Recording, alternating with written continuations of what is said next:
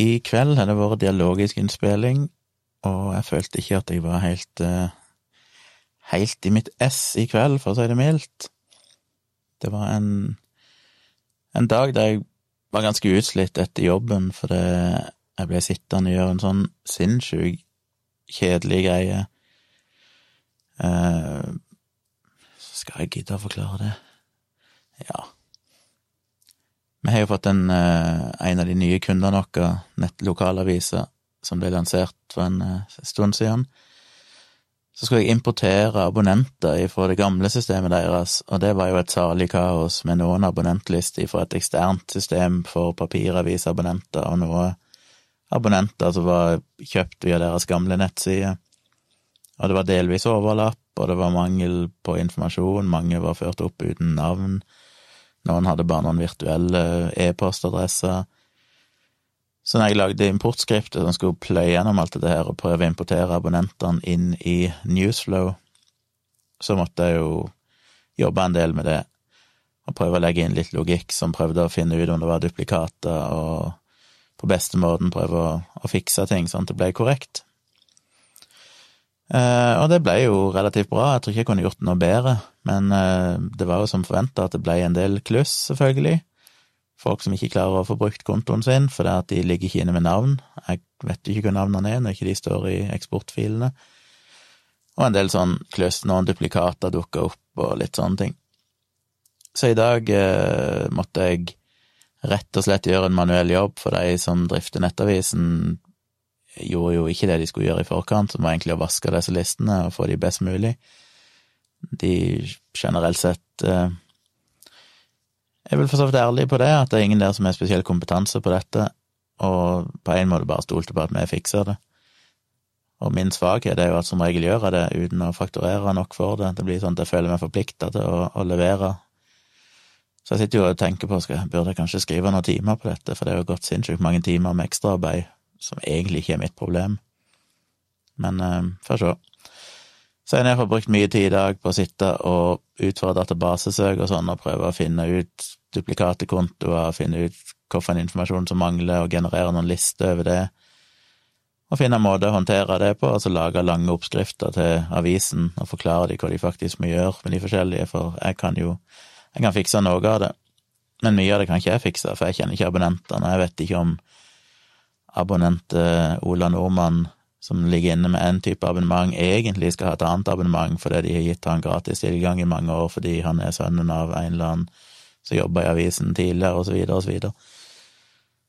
Så det er en eh, sinnssykt kjedelig jobb, for det er liksom å ta generere ei liste, så får du kanskje 40-50 personer, og så må jeg sitte og søke opp én og én av dem basert på e-postadresse, for eksempel, og sammenligne database og eksportfiler, og prøve å finne ut hva det egentlig som er det korrekte dataen, hva det som har skjedd, og så skrive en redegjørelse for avisen at denne abonnenten ligger inne med to brukere som er sånn og sånn ID, men de har aktivert feil bruker, for det var egentlig den andre brukeren de skulle ha tatt i bruk, og bla, bla, bla, og dermed må dere gjøre sånn og sånn. Og det tok jo mange timer å sitte og søke og prøve å sjonglere all den informasjonen i skallen og finne ut av eh, hvordan ting henger sammen, og ja. Så det tærer litt på på den mentale kapasiteten. Jeg har sittet hele dagen og gjort det. Og så ble jeg ferdig rett før innspillinga dialogisk, og så var det rett på. Og det er jo to uker siden sist, og vi gikk jo bare rett på, egentlig, på sparket. Til og med litt forsinka, fordi jeg eh, hadde jobba fram til klokka var liksom sånn fem på seks, og så måtte jeg springe og hente et glass cola og reboote Mac-en just in case, for å være sikker på at ikke det skulle bli noe trøbbel underveis, og gå en tur på do. Så jeg var jo ikke her før litt over seks, men uh, denne livestreamen overlever fram til ti over, men hvis du venter lenger enn ti minutter etter annonsert tidspunkt, så, så funker det vel fortsatt på YouTube. YouTube venter bare, men Facebook de eh, sletter streamen da, hvis ikke du har starta den inn i ti, ti minutter etter du satte opp som tidspunkt. Men vi kommer ikke i gang, og det ble jo en halvannen times prat om Trump og korona og mye forskjellig. Men eh, ja, det er ikke sikkert det var noe galt, men jeg sitter alltid enkelte episoder sitter jeg igjen med en sånn følelse av at eh, jeg følte ikke jeg fikk sagt noe lurt, egentlig. Men, men, sånn er det. Noen dager jeg bare føler at jeg er litt sånn, hodet mitt er litt blåst i utgangspunktet, og så skal jeg liksom hoppe rett inn i en eller annen diskusjon om alt mulig rare ting eh, på sparket. Så er det bare litt stress med fotogreiene. Jeg liksom mista Det går jo med selvtilliten går jo opp og ned. Jeg har jo god selvtillit et øyeblikk, for jeg føler jeg har lagd noen bra bilder. Og i neste øyeblikk så er det et eller annet som bare gjør at jeg tenker fuck it. Akkurat nå føler jeg det har vært så mye sånn Jeg er jo dritfornøyd med bildene jeg har gjort i det siste, og de nye bildene jeg har lagt ut på fotosida mi, foto.tjomli.com, og sånn.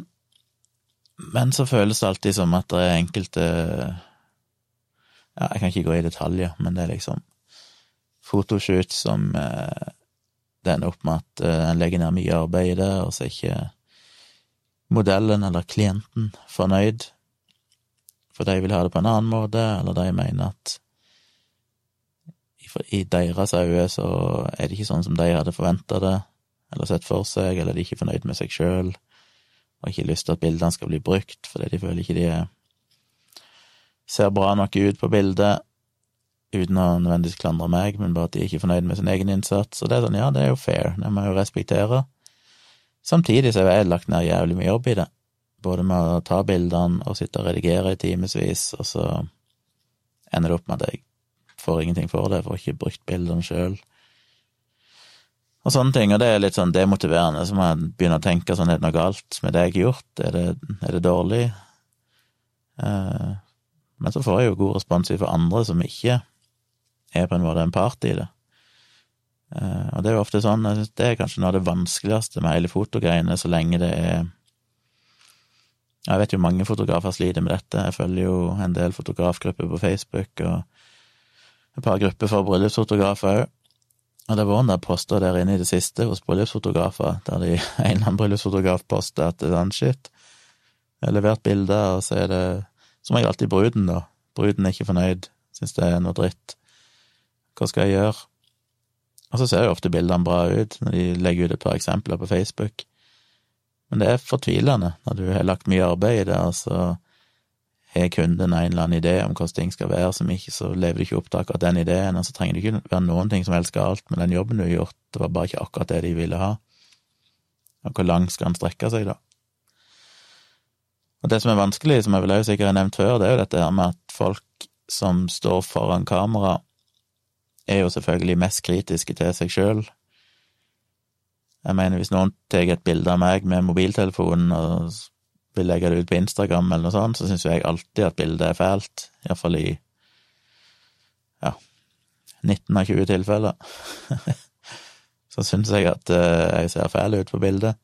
Så det er en og annen sjelden gang jeg tenker sånn Oi, det, ja, det, det var et heldig bilde. Der syns jeg jeg ser ok ut.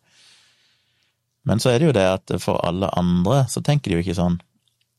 Alle andre ser jo meg som de ser meg alltid, og et bilde Selvfølgelig kan du ha veldig uheldige bilder, men et generelt gjennomsnittlig bilde vil stort sett representere meg sånn som andre ser meg.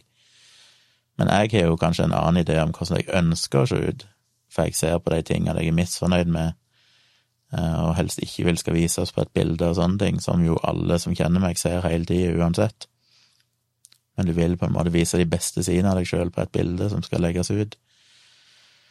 Og det er det som er fortvilende når du har en modell som står foran kamera, så kan du lage bilder som alle som ser på det, ville sagt ja, de var kjempefine, dritbra, men så er akkurat modellen misfornøyd fordi at de har komplekser for et eller annet som kanskje ikke blir eh, Som kanskje ikke, som de ser da, legger merke til på bildene som ingen andre ville ha sett eller brydd seg om.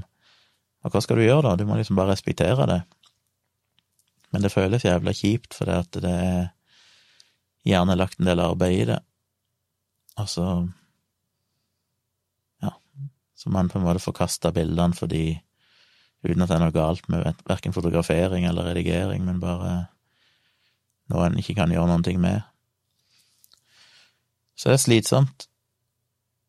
Uh, men men sånn er det. Det er jo en del av lærdommen, det òg. Jeg må bare ta det til meg. Og det er på en måte litt befriende å se alle disse profesjonelle fotografene inn på Facebook-gruppene som, som sliter med det samme og syns det er skikkelig vanskelig å vurdere å bare legge opp hele fotokarrieren, for det, de syns det er så kjipt når de får sånne negative tilbakemeldinger, og ikke helt skjønner sjøl hva som er galt. Og ofte så er det kanskje ikke noe galt, det er bare en fiks idé klienten har. Så det er krevende, men sånn er det jo selvfølgelig absolutt alle yrker der du skal produsere og levere noe. Det, det går jo på selvfølelsen løs når du får eh, kritikk, og eh, av og til så må en bruke mye tid på noe som ikke blir noen ting til slutt. Og sånn er det. På den positive sida så lærer jeg jo alltid noe hver gang. Hver gang jeg gjør en sånn jobb, så føler jeg jo at selv om jeg kanskje ikke får brukt bildene, så har jeg som regel prøvd noe nytt, eller prøvd, lært meg en ny teknikk, eller et eller annet som jeg iallfall tenker at ok, men da har jeg det verktøyet i arsenalet mitt til neste gang jeg får en kunde. Så jeg syns ikke det er helt bortkasta, men uh, det er bare litt sånn Det er kjipt, spesielt når jeg er veldig fornøyd med bildene sjøl og gleder seg til å kunne vise de og legge de ut, og så ender det opp med at du egentlig ikke kan bruke de. Så det har gjort meg litt sånn uh, deppa og bare tenkt sånn fuck, det er kjipt med hele greia. Men en må jo bare stå på. Jeg fikk et uh, Vi hadde jo en samboerprat her i går, meg og Tone, søndag kveld, altså. I går når jeg spiller inn dette, selv om det teknisk sett er i forgårs allerede. Men uh, dette er jo mandagens episode, selv om jeg spiller det inn natt til tirsdag. Så i går, søndag kveld, så hadde vi en samboerprat og den endte opp eh, å handle mye om eh, både Trump og valg og politikk, merkelig nok. Og en av tingene vi kom inn på, det var liksom hvordan, hva er den beste måten å stemme på i et valg. I Norge har vi jo en, en enkel og grei modell i utgangspunktet, der du, i stortingsvalget, da, der du basically bare tar den lappen som hører til det partiet du vil stemme på, og bretter den med innsida ut, så ikke noen kan se hva du har valgt, og legge den i valgurna, og det er alt. Det er som minimum. Så kan du være mer avansert, og nå vet jeg ikke hva som er lov lenger, det må jeg lese meg opp på neste år når det er valg igjen, men for jeg føler de endrer de reglene i ny og ne. Men du kan jo gjøre ting som å føre over navn fra et annet parti på, på det kortet ditt, hvis du vil stemme Ap, men har veldig sans for en eller annen dude i Senterpartiet. Så kan du gjøre det. Jeg vet ikke om det er bare med kommunevalg du kan gjøre det, eller om det er noe du kan gjøre med stortingsvalget òg. Men anyway, det er en del sånne ting, og du kan stryke folk ifra lister og litt forskjellig. Men i utgangspunktet så er det jo at du har én stemme, og den stemmen bruker du på det ene partiet du vil gi din stemme til. Og så snakket vi jo litt om uh, den tanken jeg hadde om at uh, jeg hadde egentlig likt veldig godt hvis du gjorde det, at du hadde ti poeng du kunne dele ut, så kunne gi liksom Kunne gi seks poeng til det partiet jeg liker best, men så har jeg jo litt sans for noen andre partier òg, som jeg føler gjerne burde hatt et ord med i spillet, for det blir jo sannsynligvis ikke en ren flertallsregjering. Det vil jo nesten alltid bli et samarbeid mellom flere partier, og da er det fint å kunne påvirke litt hvilke andre partier som skal eventuelt å bli store nok til å være sannsynlig samarbeidspartner. Og da kunne gi tre poeng til et annet parti, og så kanskje ett poeng til et enda et parti. Jeg føler du da på en måte, for de fleste er jo aldri helt enige med alt i partiet sitt, og de fleste syns jo andre partier har noen gode ting de gjør. At du da kan fordele stemmene dine litt utover. Og så ble det nevnt i kommentarfeltet eller i chatten på videoen at eh, Eller livestreamen spørsmål om hva jeg syns om den sveitsiske valgmodellen. Eh, og jeg visste ikke så mye om den, så spurte jeg litt, ja, hva, kan du si noe mer om det? og da ble det bare kort sagt eh, direktdemokrati. Og så fikk jeg en oppfølging i innboksen min her på Patron etterpå, for vi rakk ikke egentlig ta det noe videre i livestreamen, eh, om jeg kunne si litt om det i podkasten. Så jeg måtte jo google det og lese bitte grann, og jeg ser på Wikipedia-sida til Sveits, så er det en gul boks. Jeg holdt nesten på å ikke se det, for jeg satt og leste gjennom teksten og sånn, og så bare ignorerte jeg den store gule boksen og fant egentlig ikke noe om det i hovedteksten, men i den gule boksen oppdaga jeg plutselig at der er det en boks som heter direktedemokrati. Og der står det at eh, Sveits er kjent for sitt direktedemokrati, som er unikt på verdensbasis. Alle viktige lover siden 1848 er kommet som et resultat av folkeavstemninger. Og det var vel egentlig der allerede jeg datt litt av lasset, for når jeg tenkte på det i livestreamen, så tenkte jeg på direkte demokrati som direkte valg av representanter til regjeringen i landet, men, eh, eller Stortinget, deres ekvivalent til Stortinget. Men det er ikke det dette handler om. Eh, direkte demokrati i, Sveits handler om at du kan være med og stemme på for eksempel lover. Så de skriver videre enhver sveitsisk borger kan forsøke å omgjøre en lov vedtatt av parlamentet. Om personen klarer å samle 50 000 underskrifter mot loven i løpet av de første 100 dagene etter at den har blitt vedtatt, vil det bli avholdt en folkeavstemning der loven blir enten godkjent eller forkastet. Folkeavstemningen avgjøres ved alminnelig flertall. Så er det ei annen Wikipedia-side som handler om direkte demokrati, og der sto det litt mer utdypende at det de vel egentlig eh, skriver om der, er Jeg vet ikke om jeg finner det igjen i fart, men jeg mener det heter indirekte Indirekte mm, demokrati, eller noe sånt, i motsetning til direkte demokrati, at, i et direkte demokrati. Jeg vet ikke om jeg roter med begrepene her, men den ene varianten, iallfall, da kan eh, innbyggerne sjøl komme med forslag til nye lover, hvis de samler nok underskrifter og bla, bla, bla.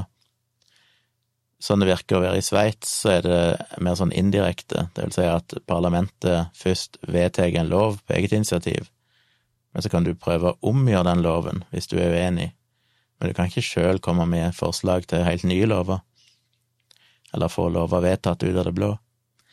Men her kan altså parlamentet vedta en av lov, hvis du klarer å samle 50 000 underskrifter i løpet av de første 100 dagene etter at loven er blitt vedtatt, så blir det en folkeavstemning, og hvis da mer enn 50% stemmer for å forkaste den loven, så blir han det.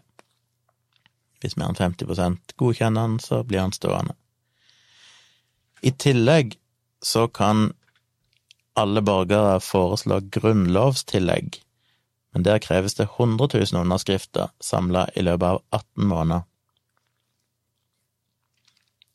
I folkeavstemninga om grunnlovstillegg kan forbundsrådet komme med motforslag, som da blir satt opp imot det opprinnelige forslaget på stemmeseddelen. For at et grunnlovstillegg skal gå gjennom, må det få flertall både blant velgerne samlet og i et flertall av kantonene. Så mens lova er noe du bare kan stemme på indirekte, altså de må først vedtas av parlamentet, og så kan du eventuelt eh, forkaste det, så kan du derimot foreslå grunnlovstillegg helt ut av det blå. Så der kan du komme med helt ny, et helt nytt grunnlovstillegg uten at det har blitt vedtatt tidligere eller foreslått tidligere. Men da må du altså ha 100 000 underskrifter samla i løpet av 18 måneder. Og da vil altså forbundsrådet sette opp et motforslag, så blir det da stemme mellom de to, enten det er forslaget til grunnlovstillegg, eller det er motforslaget som kommer fra forbundsrådet. Og da holder det ikke bare med et flertall blant velgerne. Du må både ha flertall blant velgerne, men det må, men det må også være et flertall eh, i et flertall av kantonene fordi eh, det er jo ganske forskjellig størrelse, antall befolkning, fra de største kantonene til de minste. Så et rent flertall kunne jo bety Hvis du bare hadde flertallet velgerne, så ville det kanskje holdt at bare en håndfull av kantonene var veldig positive, og så ble på en måte de små kantonene da overkjørt hvis de var negative. Så i tillegg til å ha et flertall totalt sett, så må du jo ha et flertall i et flertall av kantonene, hvis jeg skjønner det riktig hvis du uttaler kanton. Kanton. Kanton. Det er vel omtrent som et fylke i Norge, hvis ikke jeg skjønte helt feil. Uh, ja. Så det er direktedemokratiet. Og så er jo spørsmålet har vi det i Norge, på noe vis.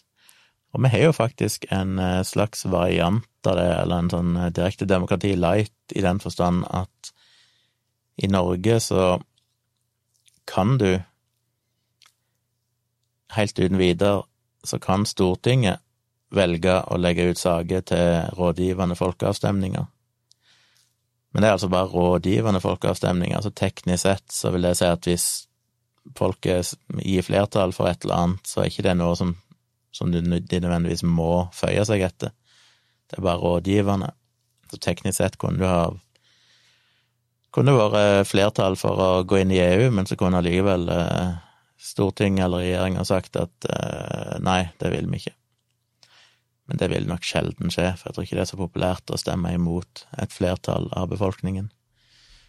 Men teknisk sett så kan de vel det, hvis jeg skjønner dette riktig. I Norge er det vært avholdt seks folkeavstemninger nasjonalt i løpet av Norges historie. De ramser ikke opp hvorfor noen det er her på Wikipedia-sida, men eh, to av de er vel eh, eh, EU. Nå kom jeg ikke på hva det heter før, herregud, det som jeg alltid kalte det før, helt til det ble EU, som virka veldig, veldig rart for meg. Jesus, hva skal han ikke huske det? Hva var det EU hette, ble kalt før? EF, selvfølgelig. EF. Så det første var det jo et, stem, et, et uh, avgjørelse om EF, folkeavstemning om EF på 70-tallet en gang. Og så var det jo en ny EU-avstemning? Tidlig på 90-tallet en gang. Så det var fire andre som jeg ikke vet hva handla om. Så det kan en gjøre i Norge, som er en form for direkte demokrati, men det spinner jo ut av at Stortinget tar initiativet til det og sier at ok, her, dette skal vi ha folkeavstemning om. Og det er vel ikke umulig at det kan bli en ny EU-avstemning i løpet av ikke så altfor lang framtid, og da kan jo jeg faktisk stemme. Jeg kunne vel ikke det i forrige EU-valg, det var vel for ung. Eh,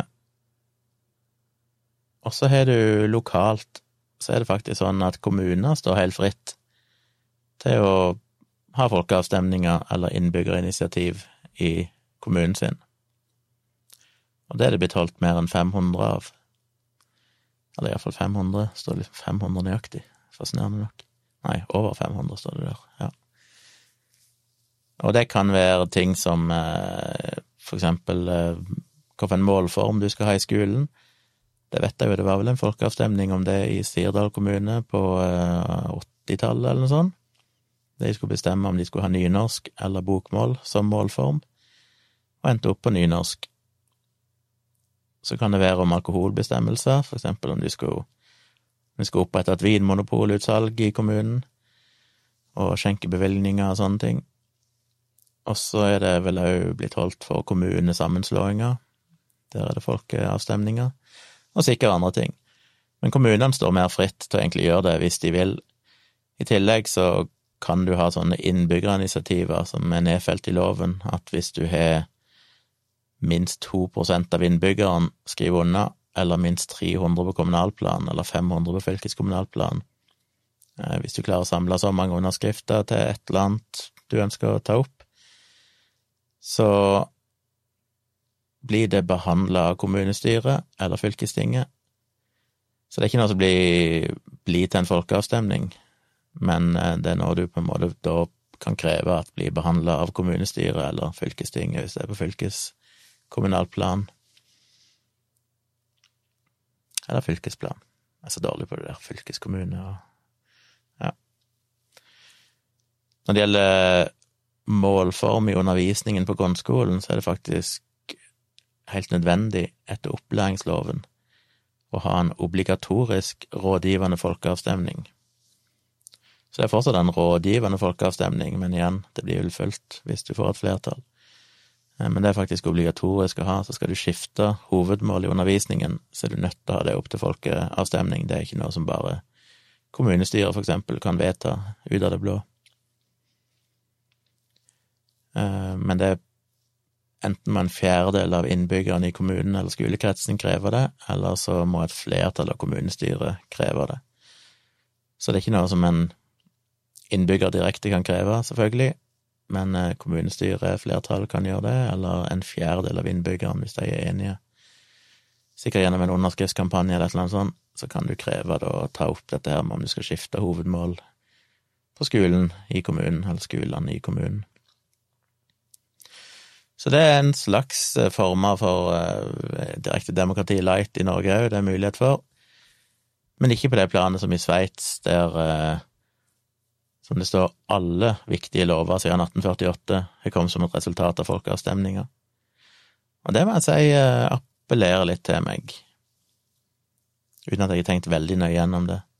Som jeg sa i livestreamen, grunnen til at jeg ikke er for Jeg mener, Frp og Demokratene har vel ønska det Eh, enkelte partier, spesielt på høyresida som regel, har en tendens til å mene at det er noe galt med demokratiet, og vi bør ha mer direkte valg. Jeg så nettopp eh, en eller annen idiot som jeg er venn med på Facebook, som er leder for uh, Drammen Frp, eller noe sånt, som jeg ikke har avvenna bare fordi jeg blir dypt fascinert. Det er som å se på Trump. Han er jo selvfølgelig Trump-fan, men det er mest som å se på Trump når han skriver ting. Det er litt sånn han òg skriver. En sånn formulerer seg godt, en halvlang avhandling.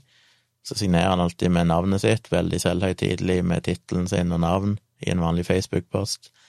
Som om han skriver liksom et brev til noen, og masse hashtagger knytta til FrB og sånne ting. Og så er det helt grotesk å se kommentarfelt alltid, for det er altså de verste folkene jeg noen gang har sett. Men han eh, skrev nylig igjen og at eh, vi burde liksom ha internettvalg overalt, og bruke bank-ID og sånn, det burde være godt nok. Alle er jo bank-ID. Så innrømte han jo det at ja, det er jo selvfølgelig mange gamle og sånn som egentlig ikke klarer å bruke det og sånn, men det, det går seg til, eller det var ikke så nøye.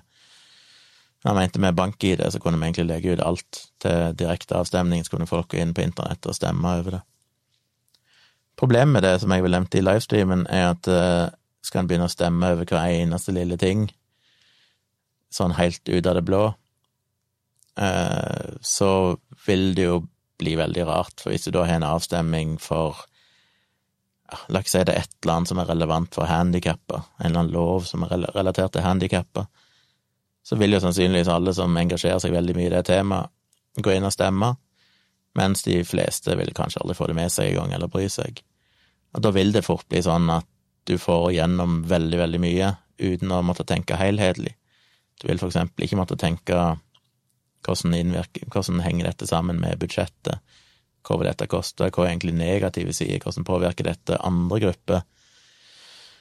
Så du vil liksom, det jeg syns er skummelt med det, er jo at du vil få de som er veldig for en sak, vil gjøre det. Et annet problem er jo òg de selvfølgelig sakene som er mest relevant for små grupper i samfunnet de vil jo ha kanskje veldig vanskelig da for å klare å få flertall, hvis de er små nok, og dermed så vil de aldri få noe som er tilpassa deres behov og ønsker, fordi det alltid vil være et slags gjennomsnitt av befolkningen vil være mange nok til å ikke ville stemme for dette her. Eh, så vi trenger jo ansvarlige politikere og en ansvarlig regjering som klarer å tenke helhetlig, som er i stand til å, å tenke på alle sitt behov, og det er det selvfølgelig man mye mangel på i dette samfunnet vi lever, selv om vi tross alt lever i et av de beste samfunnene i verden. Så det er alltid ting jeg kan klage på. Men det er litt problematisk med den type direkte demokrati, så derfor er det jo en fordel med, med det som Sveits gjør, at du må først og fremst ha liksom et, et, minimum av folk som gidder å engasjere seg innen en viss tid, for i det hele tatt kunne ta opp sånne ting at de stemmer ikke over alle saker, men det handler om lover spesifikt, og at de da må være mot en eller annen lov hvis de skal gjøre dette, ha denne avstemningen, eller at de foreslår et grunnlovstillegg, og da krever du enda flere underskrifter. Så de må ha 100 000 underskrifter for å foreslå et grunnlovstillegg. Hvor mange innbyggere er det i Sveits? De er ca. 8,5 millioner. Ja, så er det dobbelt så mange som oss. Så hvis vi skulle gjort det samme i Norge, så måtte vi kanskje hatt et krav om 50 000 underskrifter. Og det er jo ganske mange, selv om det selvfølgelig er lettere i dag når du kan gjøre ting på internett og spre det. Og det er nok det jeg syns er litt skummelt med det. Det er jo bare Eller, jeg vet ikke. Det er litt skummelt, for det er så lett, og jeg ser jo sånne kampanjene som går der folk skal ha deg til å signere på alt mulig, bli delt på Facebook og sånn der beskrivelsen ofte er veldig, veldig tendensiøs, selvfølgelig. Og hvis du kjenner en sak litt, så skjønner du fort at eh, ok, dette representerer ikke saken skikkelig, og dette kan jeg faktisk ikke signere på. Men folk som ikke har satt seg så nøye inn i det, vil jo fort tenke ja, dette høres jo bra ut, det må jeg signere på. Heldigvis vil det jo da bare i verste fall føre til en folkeavstemning, og da kan jo alle si meninga si. Men uh, så jeg er vel ikke udelt positiv. Men det ser vel ut til å fungere i Sveits, ut ifra det jeg har skjønt. Så selv om det sikkert er folk som er kritiske til det òg, så er jeg usikker. Det er, det er vanskelig. Men en slags sånn moderat form for direkte demokrati, der du kan for eksempel å velte en ny lov, eller foreslå et grunnlovstillegg, er iallfall en, en ikke altfor inngripende versjon, når du har en slags minsteterskel for, hvor tid du kan få gjort dette her. Så jeg vet ikke. Interessant. Jeg er jo veldig sans for at en prøver med forskjellige metoder. At det er litt utforsking. Um, jeg skulle jo ønske kanskje at vi hadde Jeg føler jo det skal veldig mye til å endre det valgsystemet vi har, men hadde jo vært dritspennende om det skjedde, at en prøvde ut en helt ny modell for å avgi stemmer. Og i Sveits så har de vel òg mye elektronisk avstemming, de har vel vært ganske tidlig ute med å få til mer sånn elektroniske stemmemaskiner.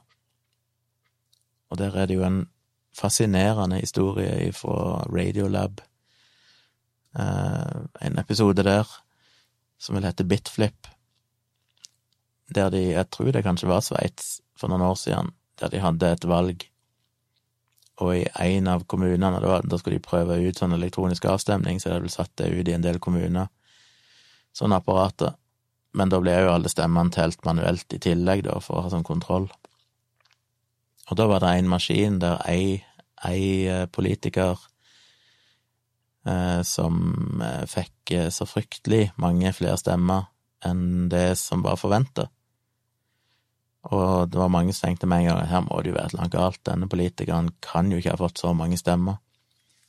Så den ble umiddelbart tatt inn og kontrollert mot de manuelle stemmene, og da fant de at uh, hun hadde fått, uh, tru tror det var 4096 for mange stemmer, som var veldig mye i en relativt liten kommune eller kanton, eller hva det var for noe.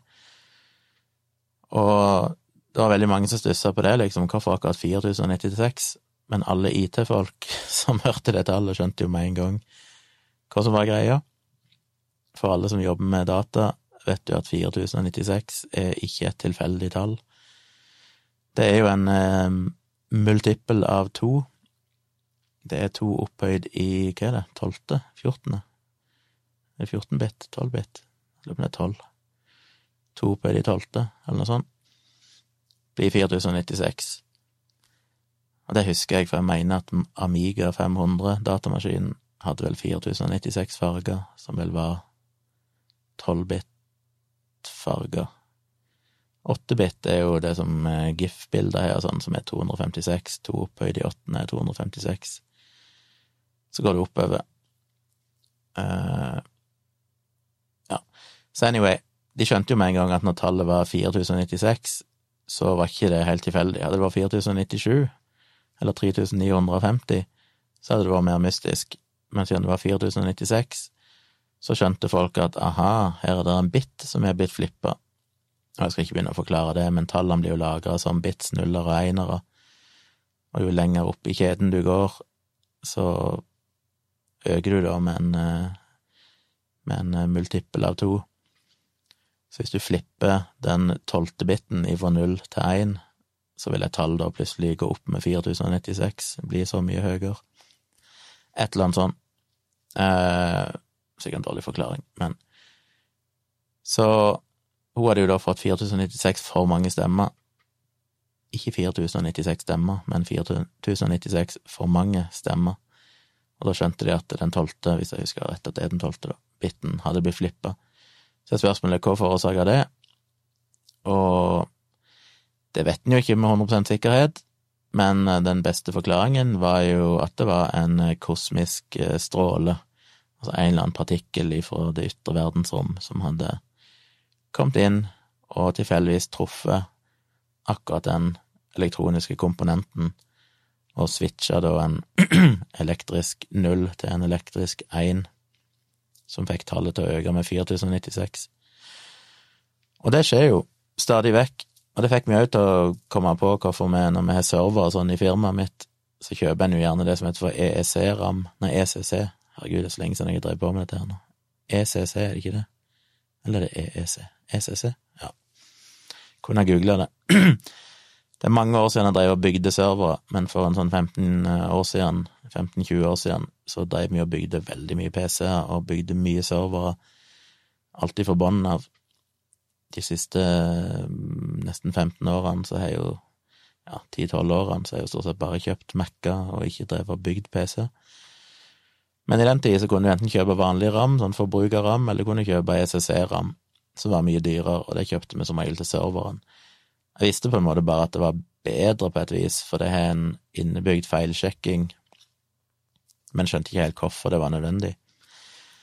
Men en av grunnene til at det er nødvendig, det er jo nettopp denne risikoen for sånn bitflips, at du kan få tilfeldig kosmisk stråling som treffer ei minnebrikke og endrer en nullverdi til en én-verdi, som kan gjøre at data blir fullstendig korrupt, eller maskinen krasjer, eller et eller annet annet skjer. Med den ECC-rammen så er det da innebygd feilsjekking som vil oppdage det, på en måte. At det er noe galt, og så ordner det seg. Men eh, ja, så ECC-ram er viktig. Og det som Det høres jo Det høres jo Det er vel en av grunnene, hvis jeg husker rett, at sånne Mac Pro og sånn har en del dyre komponenter. Hvis jeg kjøper en Mac Pro, så har vel de ECC-ram Jesus, nå må jeg google det, så jeg ikke sitter her og driter meg ut. ECC-ram Ja, ECC-ram, ja. Eh, eller ECC-minne, det er jo minnebrikke jeg snakker om når jeg sier ram. Men eh, mens vanlige Mac-er, mer sånn forbruker-Mac-er, har vel bare vanlig ram, som ikke er den samme feilsjekkinga, så det det jo litt høyt risiko. Og vi blir jo bombardert av kosmisk stråling hele tida. Men det er klart oddsene for at det skal treffe akkurat på rette sted til rette tid, holdt jeg på å si, er jo relativt liten, så det er ikke sånn at du opplever hele tida. Men hvis maskinen din bare krasjer helt, helt uten noen grunn en dag, så kan det være en forklaring. Og det kan òg være det som gir deg kreft. Du kan være så uheldig å få en kosmisk partikkel som treffer deg og fucker opp ei celle, eller fucker opp DNA-et ditt, sånn at det blir til en kreftcelle. Så det er mye tilfeldigheter i verden som skyldes bare den usynlige kosmiske strålinga, som det er vanskelig å beskytte seg helt mot. Og det høres jo ganske uskyldig ut når det er en stemmemaskin, selv om det selvfølgelig kunne vært alvorlig, det òg. Men uh, i episoden i Radiolab så går det jo videre til å snakke om de mest grusomme tingene med tidlige elektriske biler, eller iallfall Jo, de var vel elektriske òg, med sånn automat uh, Ja, de var elektriske. Der, uh, nei, ikke nødvendigvis elektriske biler, men biler som gikk ifra å være på en måte mer mekaniske, der gasspedalen for eksempel er mekanisk kobla til motoren, sånn at når du trykker på den, så er det en fysisk direkte endring eller styring og, og, alle sånne ting. Mens i moderne biler så er jo alt elektronisk, så når du trykker på gasspedalen, så blir det jo egentlig bare sendt et signal, sannsynligvis til en liten datamaskin, som da igjen forteller motoren hva som skal skje. Eh, og da, på de første bilene, så hadde de jo en del tilfeller, jeg mener det var Toyota de brukte som eksempel, som hadde mye problemer med dette eh, for en del år tilbake, der for eksempel folk kjørte bil, og så bare plutselig så begynte bilen å gasse og du kunne trykke på bremser så mye du ville, men det var vanskelig å motvirke det, for det var bare som man gassa og gassa og akselererte. Og de spilte blant annet av en nødsamtale i den episoden av noen som ringte 911, en familie som satt i en bil, og sjåføren var bare helt fortvila, for han sa bilen bare gasser på, jeg holder inne bremser alt jeg kan, men det bare går fortere og fortere. Og nå nærma de seg et veikryss, og de visste ikke hva de skulle gjøre. Og så ble samtalen brutt, og de endte jo opp med å krasje i biler som kom i krysset, og alle ble drept. Så det er flere sånne historier der folk opplevde det. Og det de mente var en av forklaringene der, var rett og slett sånne kosmiske stråler som traff denne kjøredatamaskinen, og da plutselig kunne sende signalet 'gi gass', selv om det egentlig ikke ble trykt på gasspedalen. Og da var det ikke noen feilkorrigeringsmekanismer i de første bilene som faktisk fiksa det, eller nullstilte det hvis du trykte på bremser, for eksempel, som ville jo vært en naturlig reaksjon. Så på nye eh, sånne biler, er etter disse her feilene, så ble det vel påbudt, tror jeg, jeg vet ikke om det er påbudt, eller om alle produsentene bare har gjort det frivillig, men eh, nå er det vel vanlig å ha tre datamaskiner på forskjellige steder. Så hvis en av datamaskinene plutselig sier for eksempel gi gass, og de to andre ikke gjør det, så blir det bare ignorert. For det skal mye til at du får en kosmisk eh, partikkel som treffer alle tre, eller to av de i det minste, samtidig og i samme samme beskjed, det er nesten statistisk umulig.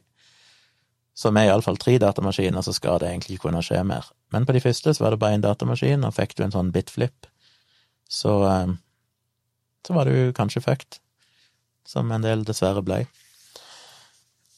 Så jeg vet ikke hvorfor jeg egentlig begynte å snakke om det, det handler jo om valg og elektronisk valg, men det er en av utfordringene, selv om det er en utfordring som er ganske enkel å løse, da, med å ha mer feilsjekking i, eh, i disse systemene og sånn, så bør ikke det være så vanskelig å unngå.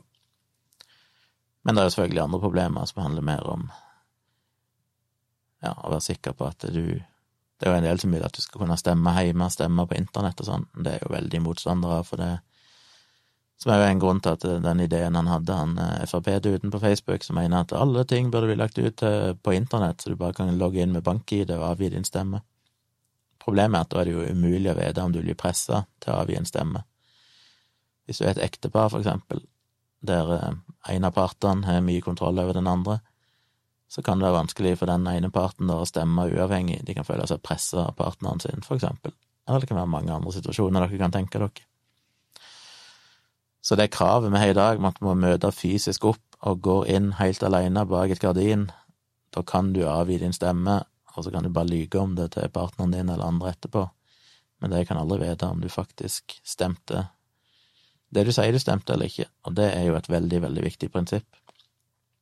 Så ideen om at folk skal kunne sitte hjemme og stemme på internett, høres jo veldig forlokkende ut. Det har sikkert økt valgdeltagelsen, men samtidig så er det en forferdelig dårlig idé, for det, da vet en jo aldri om folk faktisk stemmer uavhengig og etter sitt eget hjerte, eller om de blir pressa til det direkte, eller bare føler seg pressa til det, fordi noen andre følger med på det du gjør.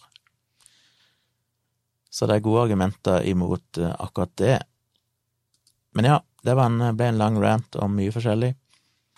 Um, mest av alt for meg sjøl, kanskje. Jeg lærte jo noen nye ting her med å måtte sjekke ut direkte demokrati og sånn. Kanskje dere òg lærte noe?